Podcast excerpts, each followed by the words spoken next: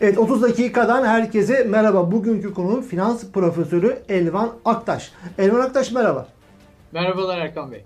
Ekonomiyi konuşacağız. Gerçekten merak ettiğim, cevaplarınızı merak ettiğim bir program olacak. Türkiye'nin bir numaralı gündemi ekonomi. Dolar aldı başını gidiyor. Gerçekten çok olağanüstü, sıra dışı günler yaşıyoruz. Doların bırakın sağa saat dakika dakika ne olduğu belli değil ve dolar ve euro durdurulamıyor. Uçuyor gidiyor. 10 dolar olur mu olmaz mı diyorduk. Uçtu gitti 12 lira 13 lira vurdu. Şimdi bütün bunları olurken de Erdoğan, Cumhurbaşkanı Erdoğan ekonominin her şeyin sorumlusu benim. Ben bu işin kitabını yazdım diyen Erdoğan da açıklama yaptı. Dedi ki dış mihraklara karşı iktisadi kurtuluş savaşı veriyoruz dedi. Bunu bir köşeye koyalım. Şimdi ne oluyor ne bitiyor anlamak açısından da İyi Parti Genel Başkanı Akşener de şöyle bir açıklama yaptı. Hesabını kitabını yapmış. Diyor ki sadece bir hafta içinde Türkiye'nin borcu 1 trilyon 920 milyar lira arttı diyor. Çarşı pazar ateş pahası vatandaş şaşkına dönmüş vaziyette. Neler oluyor? Neler oluyor Erkan Bey? Aslında sadece dolar kuruluna bakarak bunları değerlendirmek doğru değil. Dolar kuru veya döviz kurları, enflasyon ve faiz politikasını bu üçlüyü bir arada ele almak gerekiyor. Bugüne kadar biliyorsunuz e, iktidar e, kuru baskı altında tutmak için bir takım e, aletler kullanıyordu. Yani bunlar e, swap operasyonları Londra'daki sizinle daha önce bir yayında da konuşmuştuk bunu. Swap operasyonlarında dolar satmak ve bunları yandaş e, iş adamlarına ve e, Türkiye'deki bir takım bankalara vatandaşın dolarını ucuza satmaktan tutun da varlık fonunun denetlenemeyen taahhütleriyle ülkeye kaydı olmayan kayıtsız para girişi sağlamak, e, Orta Doğululara emlak satışı üzerinden Katar'dan Türkiye'ye para girişi sağlamak, Çin'le bir takım anlaşmalar yapmak gibi şeyler deniyorlardı. Fakat artık e, Merkez Bankası'nın rezervlerinin, net rezervlerinin negatife düşmesi bize artık swap operasyonlarında çok fazla ellerinde bir kağıt kalmadığını gösteriyor. Yani e, hükümet şu anda klasik ekonomi teorisine göre eğer bizim paramızın değeri düşerse ihraç edeceğimiz ürünlerin uluslararası piyasadaki rekabeti, rekabet gücü artar, ihracatımız artar, ithalatımız düşer, cari açık baskılanır ve uzun vadede bu ülkeye refah olarak geri döner argümanına sarılmış durumda. Ee, biliyorum bununla ilgili de sorularınız var o yüzden çok fazla altını açmayacağım ama şu anda olan tek şey artık hükümetin bu üç enflasyon, faiz ve kurla mücadele konusunda bu üçten birinde havlu atmış olması.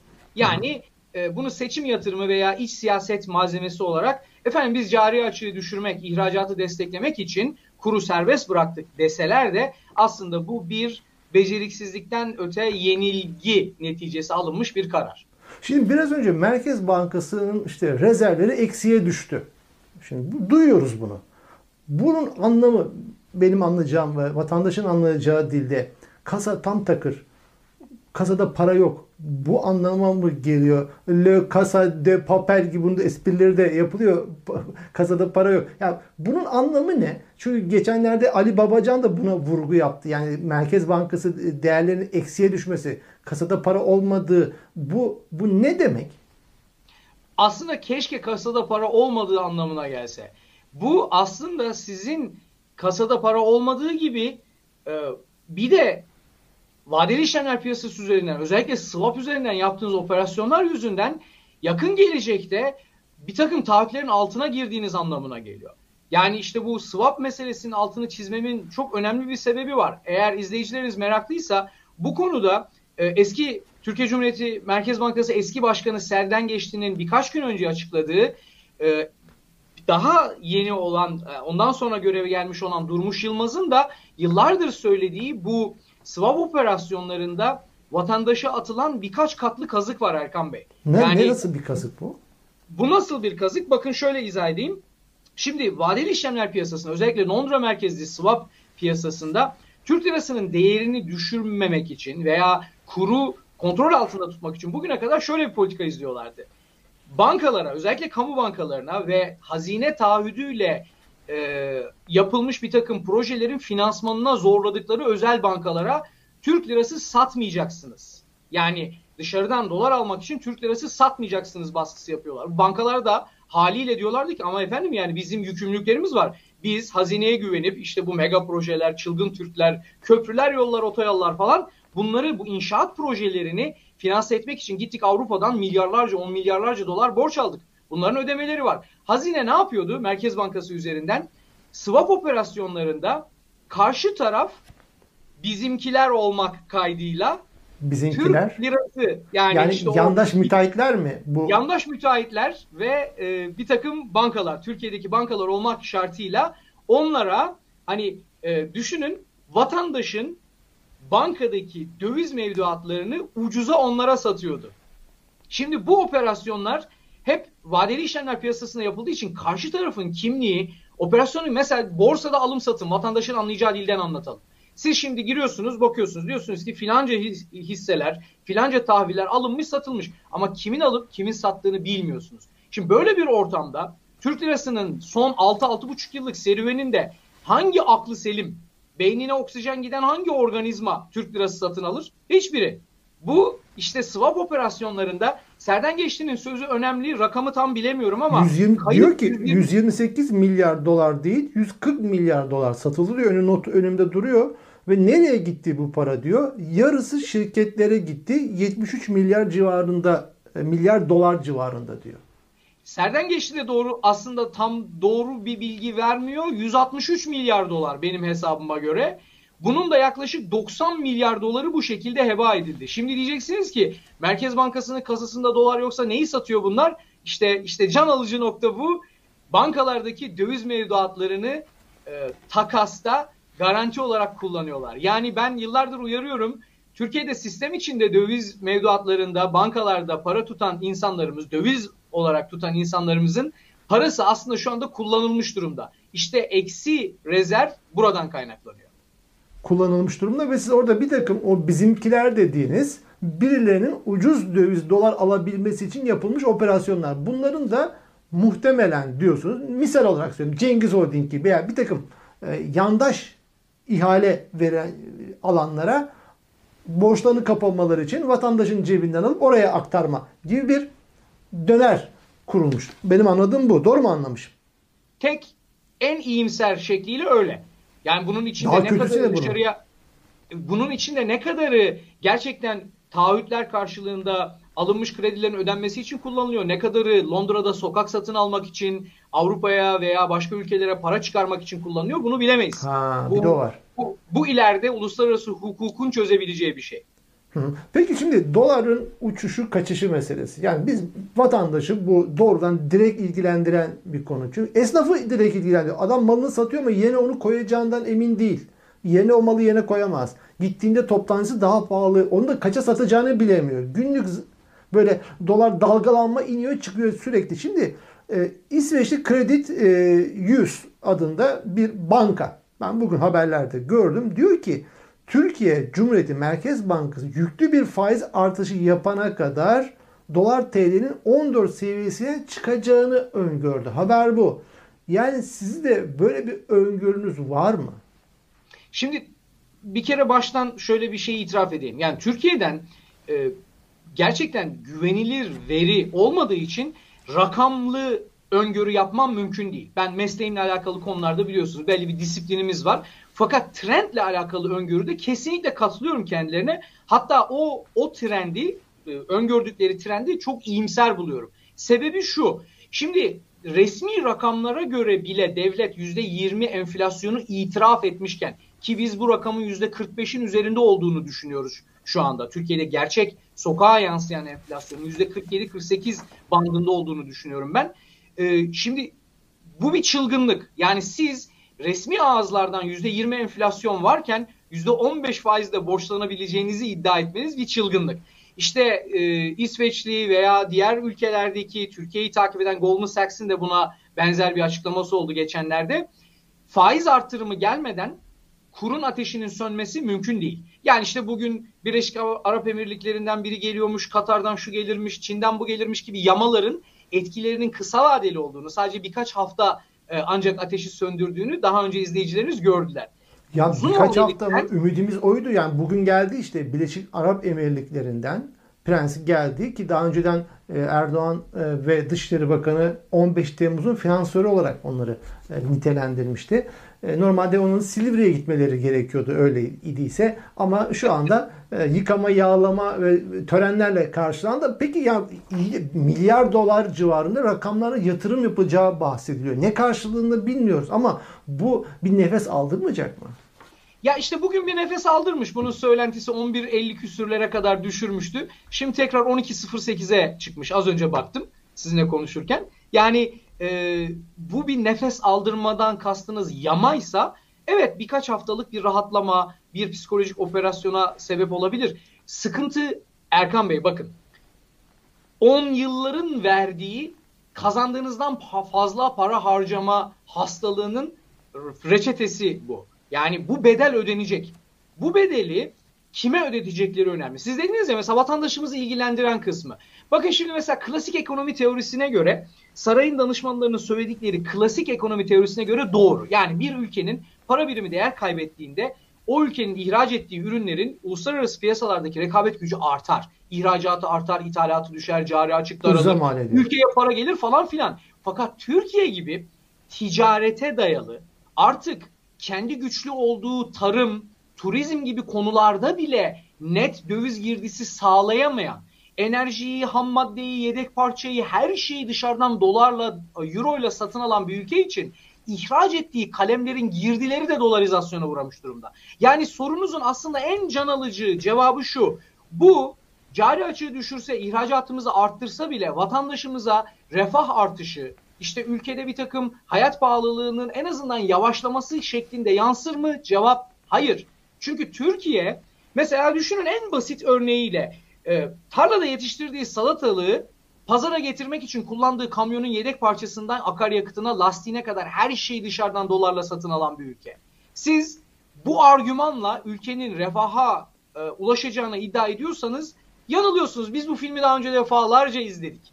Türkiye'nin hastalıkları da belli, zayıf noktaları da belli, yatırım yapması gereken güçlü potansiyelleri de belli. Şu anda iktidar bir inanılmaz ilginç bir inatla e, rüzgarın tersine doğru gitmeye çalışıyor.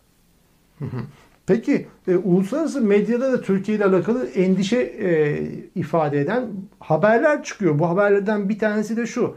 Diyor ki Financial Times e, döviz mevduatının zorla TL'ye çevrilmesi gündeme gelebilir diyor vatandaşın banka hesaplarında.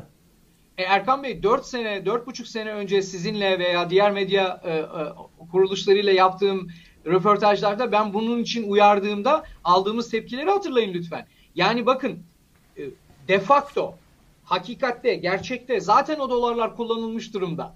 Bu Türkiye'deki bankacılık kanunu da buna zaten devlete bu yetkiyi veriyor. Türkiye Cumhuriyeti Devleti sınırları içerisinde bankacılık yapan her kurum Türkiye Cumhuriyeti Devleti'nin kontrolünde olan para birimi üzerinden bankacılık yapar. Siz döviz mevduatı bile kullanıyor olsanız bunların hiçbir kanuni koruması yoktur. Mesela bankacılık düzenleme denetleme kurumu olsun e, bu bir takım mevduatlarla ilgili sigortaların hiçbiri dövizleri kapsamaz. Devlet sıkıştığında vatandaşa bankadaki dövizini şu kurdan çeviriyorum artık şu kadar YTL'm var diyebilir ve demek zorunda kalır. Bu şekilde devam ederlerse bakın kehanet yapmıyorum. Felaket tellallığı da yapmıyorum. Bu yön bu yöntemle devam ederlerse bu yönetimle gideceği yer orasıdır. Ama işin ilginç tarafı bak seyircileriniz lütfen şunu kaçırmasınlar. O paralar zaten kullanıldı efendim. O paralar zaten yok. Bunun karşılığında verilmiş taahhütler var. İleride bir sene sonra, iki sene sonra tahvillerin geri ödemeleri geldiğinde anlayacağız gerçekten tahribatın ne kadar kötü olduğunu. Yani Ahmet amcanın bankada X doları olarak yatıyor gözüküyor. Dijital olarak orada görüyor. Yok. Yok sosyal medyada sosyal medyada çok paylaşılan bir replik var. Ben Türk yani biliyorsunuz 10 yıllardır Türkiye'de yaşamadığım için çok fazla dizileri falan bilmem ama bu bir Burhan karakteri var. Balkondan komşusuna ben aslında yoğum falan diyor. Ha Burhan yani, Altıntop. Evet, bilmiyorum. Yani seyircileriniz o repliği tekrar tekrar izlemelerini takip ederim. Bankadaki dolarlarınız, eurolarınız aslında yok. Onlar zaten takas olarak, garanti olarak kullanıldılar. Ha bunun ne zaman size yansıyacağını bilmiyoruz sadece. O paranın gelmeme, bankaya gittiğimde alamama gibi bir durum olabilir mi? Yani bu bir panik havasında vatandaş birdenbire bankaya saldırır işte paralarını geri isterlerse tabii ki ortaya çıkar. Benim amacım böyle spekülasyon yapmak işte piyasaları yangın yerine dönsün yıkılsın batsın böyle bir şeyim yok benim. Yani zaten mesleki olarak bu bütün gelişmiş ülkelerde Amerika'da dahi suçtur. Anlatabiliyor muyum? Ben insanlara sadece şunu söylüyorum. Makro planda devlet politikalarının, kamu bankalarının, özel bankalarının yükümlülük olarak hazine garantisiyle altına girdikleri projelerin finansmanlarına bir baksınlar. Ülkeye giren paranın miktarı belli, yapılan ödemeler belli. Aydan da bize dolar gelmeyeceğine göre ve biz şu anda %15-16 ile borçlanıyoruz yalanlarına da inanamayacağımıza göre e, bir şekilde bunun iç kaynaklardan temin edilmesi gerekiyor Erkan Bey. Zaten edildi. Yani ben vadeli işlemler konusuna çok fazla girmiyorum ama vadeli işlemler piyasasında notional value dediğimiz yani o günkü kontrat değeri üzerinden yapılan taahhüt değildir. Önemli olan o kontratın sonunda ortaya çıkacak olan taahhüttür. Swap'ın zaten en tehlikeli noktası bu. Swap yapıldığında piyasalarda e, seyircilerinize şöyle bir davette bulunayım. Herhangi bir e, uygulamaya girip günlük e, döviz hareketlerine bir baksınlar son iki buçuk yılda. Bazı günler, bazı haftalar böyle platolar görecekler dümdüz. 10 kuruşluk artışlarla işte o 10 kuruşluk artışlar swap piyasasındaki kontratlardan kaynaklanıyor. Yani o sırada Merkez Bankası vatandaşın milyarlarca dolarını yandaş müteahhitlere bir takım hazine garantili projelerin taahhütünü almış bu yüzden borçlanmış olan bankalara ucuza peşkeş çekiyor efendim. Çok affedersiniz tabir için. Evet Evren Hocam vakitte ilerliyor. Şunu da soracağım. Şimdi siz konuşmanızın arasında sık sık dile getirdiniz. Dediniz ki yani bir takım bu yandaş müteahhitlerine, birilerine peşkeş çekiliyor. Ucuz dolar döviz üzerine operasyonlar yapılıyor. Aslında belki de o yandaş müteahhitlere de ortak bir takım iktidardaki bir takım büyük başlıklar da e, yani söz konusu olabilir. O paraları tek başına onlara yedirmezler günümüz Türkiye'sinde. Ama yandaşlar diyelim. Bunu biraz açar mısınız? Yani burada burada nasıl bir tezgah dönüyor ekonomik anlamda? Şimdi Erkan Bey isterseniz makro planda başlayalım. Mevcut iktidarın çok maharetle söylediği, çok böyle inandırıcı şekilde söylediği birkaç yalan var. Ta geriye gidelim. Biz IMF'ye borcu bitirdik. Mesela şimdi evet teknik olarak Yetmedi, IMF'ye... Para ödedik, para vermişiz. Yok o kısmının yalan olduğu artık defalarca ortaya çıktı ama para filan verilmedi. Zaten IMF ile alakalı bir yayında da ben e, arz etmiştim yani. IMF böyle saklı, atan, kaçan, koçan bir şey değil yani. IMF Türkiye'nin de üyesi olduğu bir e, uluslararası para fonu. Fakat altın çizmek istediğim nokta farklı. Şimdi tamam IMF'ye borcu, devletin borcunu bitirmiş olabilirler. Şimdi ama bu yalanın bu iyi bir şey değil mi? Bir şey var. 7 düvele borcumuz var. Herkese borcumuz var. Şimdi ikinci yalan. Bakın bunu nasıl yamıyorlar. Ama kamunun borcu yok.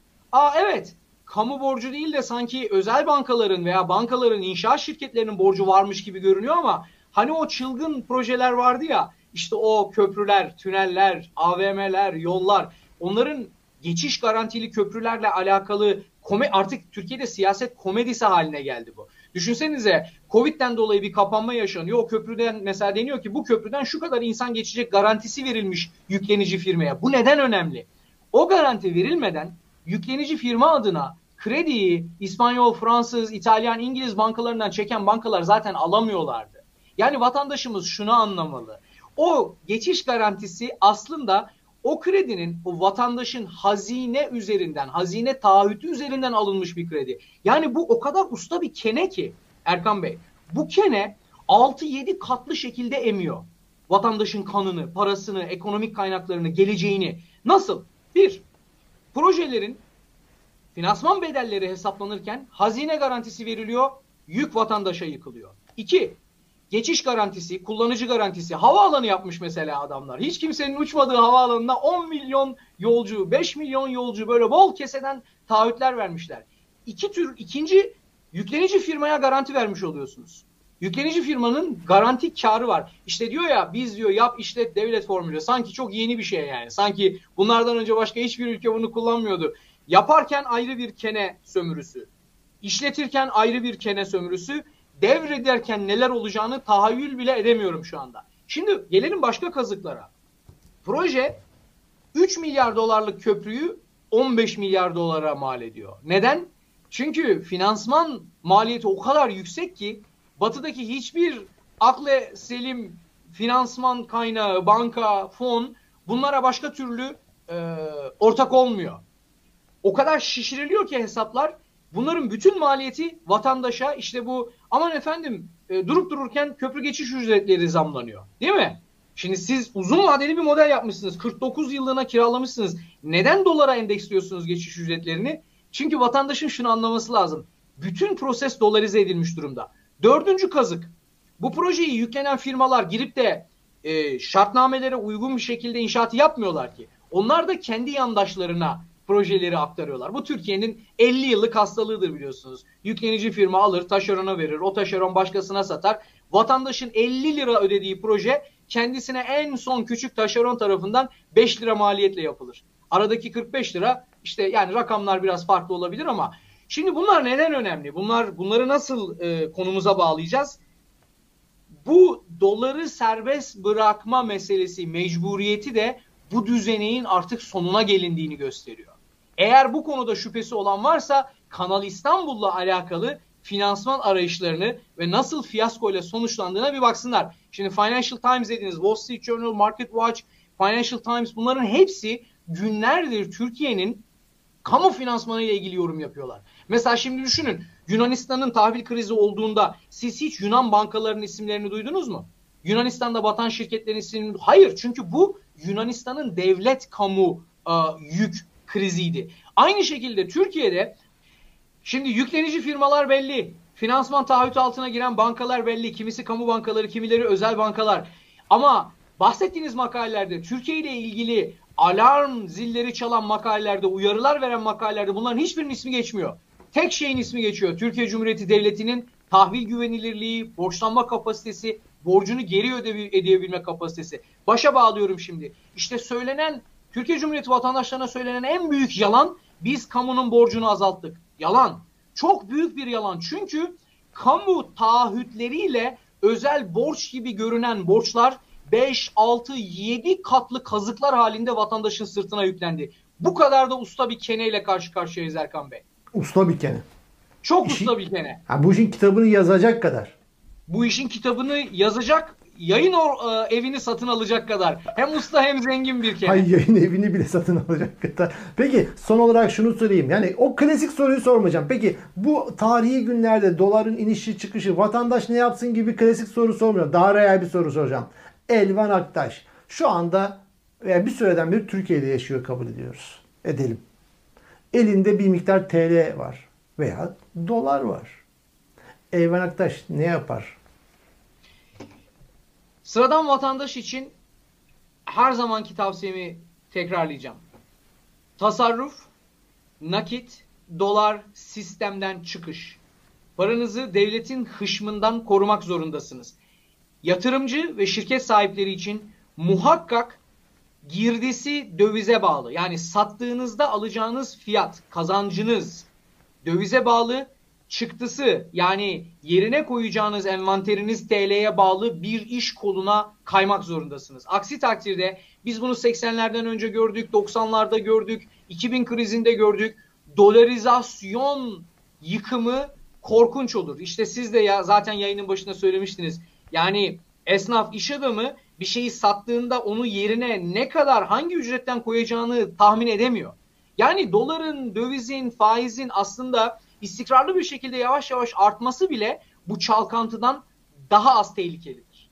Çünkü buna karşı tedbir alabilirsiniz. Ama işte efendim Katar emiri gelmiş hop 6 milyar gelecek. Çin'e şöyle bir işte taviz verdik. Aman Uygurları ağzımıza almayalım bize 3 milyar daha verecekler gibi bir takım böyle kısa vadeli yamalar piyasayı daha da ürkütür. Ürküten piyasalarda dolara, euroya kaçar. O yüzden ben Türkiye'de yaşıyor olsam kesinlikle tekrar söylüyorum sade vatandaş sabit gelirli vatandaş için tasarruf, döviz, nakit ve sistemden çıkış. Ama iş adamları için e, gerçekten bir dakika yani... bir dakika iş adamı da ayrıca gelin de ne demek dövizden anlamadım. Ben şimdi elimde TL'm var veya dolarım var. Ne yapacağım? Daha arı öz bir Türkçe benim anlayacağım dilde söyler misiniz? Dolar alırım. Ha dolar alırım. TL'yi dolara çeviririm diyorsunuz. TL'yi dolara çeviririm. Bunu azar azar bütçeme göre yaparım. Tasarruftan kastım Ama bu. şimdi Her aldım ay... diyelim ama Kuveyt şey Birleşik Arap Emirlikleri 1 milyar dolar bilmem ne geldi şeyde düşüş olacak. E, gitti benim para. Evet 1.70'ten beri kaç defa gitti benim para diye panikle satanların nasıl sonradan aynı dolarları daha yüksek fiyattan aldıklarına şahit olmadık mı? Size Zor- defalarca size defalarca dolar 3 lirayı geçerse yüzüme tükürün diyenlerin TL'de kalın, dolardakiler yaya kalır diyenlerin hangisinin hangi tahmini doğru çıktı? Ben 2009'dan beri size söylüyorum. Bakın 2009'dan beri söylüyorum. TL'lerinizi dolara çevirin, tasarruf yapın. Hiç fark etmez. Ayda Düşler dolar, geçici olacak dolar. diyorsunuz yani. Evet, kısa vadeli dalgalanmalar böyle gitse de uzun vadeli trend değişmez Erkan Bey. Peki vatandaş bu. Esnaf ne yapacak? İş adamı ne yapacak? İşte Tekrar. esnaflarımızın biraz piyasada esneklik öğrenmesi gerekiyor. Özellikle şimdi düşünün bu makasta uzun vadeli trende yakalandığımızda bu makasta eğer siz girdisi satın aldığınız şeyleri dolarla satın alıp sattığınız şeyleri TL ile satıyorsanız bir şekilde bunu offset edecek yani tersine çevirebilecek başka bir iş koluna yatırım yapmak zorundasınız. Ayakta kalamazsınız. Yani yaşı 50'nin üzerinde olanlar 80 öncesi veya 90'lardaki yaşı 40'ın üzerindeki olanlar da 90'lardaki o hiper enflasyon dönemlerini hatırlasınlar. Ayakta kalamazsınız. Bir şeyin daha altını çizeyim. Belki başka bir yayın olabilir. Biliyorum zamanımızın sonuna geldik. Türkiye'de kayıtsız ekonomiyle alakalı uyarılarıma bir tane daha eklemek istiyorum. Bakın kayıt dışı ekonomide Türkiye'deki büyük potansiyel bir emlak. Bizim insanımız toprağa ve e, emlağa yatırım yapar. Arsadır, e, Yapmasın dairedir, dükkandır. Hayır yapmayın demiyorum. İki, kayıtsız ekonomide sistem dışındaki döviz mevduatları. Ama şimdi bir üçüncüsü daha eklendi buna. Kripto paralar. Vatandaşlarımızı çok ciddi bir şekilde uyarmak zorundayım. Özellikle bu sadece Türkiye ile alakalı bir uyarı değil.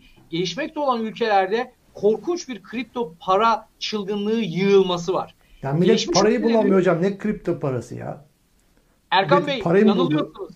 Yanılıyorsunuz. Bizim insanımız kriz dönemlerinde ilginç tasarruf metotlarına başvurur. Benim iki türlü uyarım olacak buradan. Bir tanesi kripto paraların gelişmiş ülkelerin merkez bankalarının hışmına uğradığında veya onların regülasyonuna, kontrolüne girdiğinde o piyas- piyasalardaki bir takım para birimlerinin çil yavrusu gibi dağıldıklarına şahit olacaksınız. Yani e, belli başlı para birimleri merkez bankaları tarafından regüle edildiğinde farklı bir senaryo olur. Ama şu anda korkunç bir sistemsizlik var. İkincisi de dolarizasyon meselesi bu kadar korkulacak bir şey değildir. Bana bazen siz sormadınız ama soruyorlar. Peki hocam tamir nasıl olacak? İşte bu kayıtsız ekonomideki tasarruf tedbirleri ileride yön, yöntem ve yönetim değiştiğinde tamirin biraz kolaylaşmasını sağlar. Kripto para hariç. Arsa Kripto ev hariç. evet, dolar evet, kripto para hariç. Bu başlı başına bir yayın konusu olabilir. Zamanımız yok. Ee, o yüzden Evet. başka bir zaman konuşuruz bunu. Evet Profesör Doktor Evren Aktaş. Teşekkür ediyoruz bu bilgileri bizlerle paylaştığınız için. Ben teşekkür ederim. İyi yayınlar dilerim.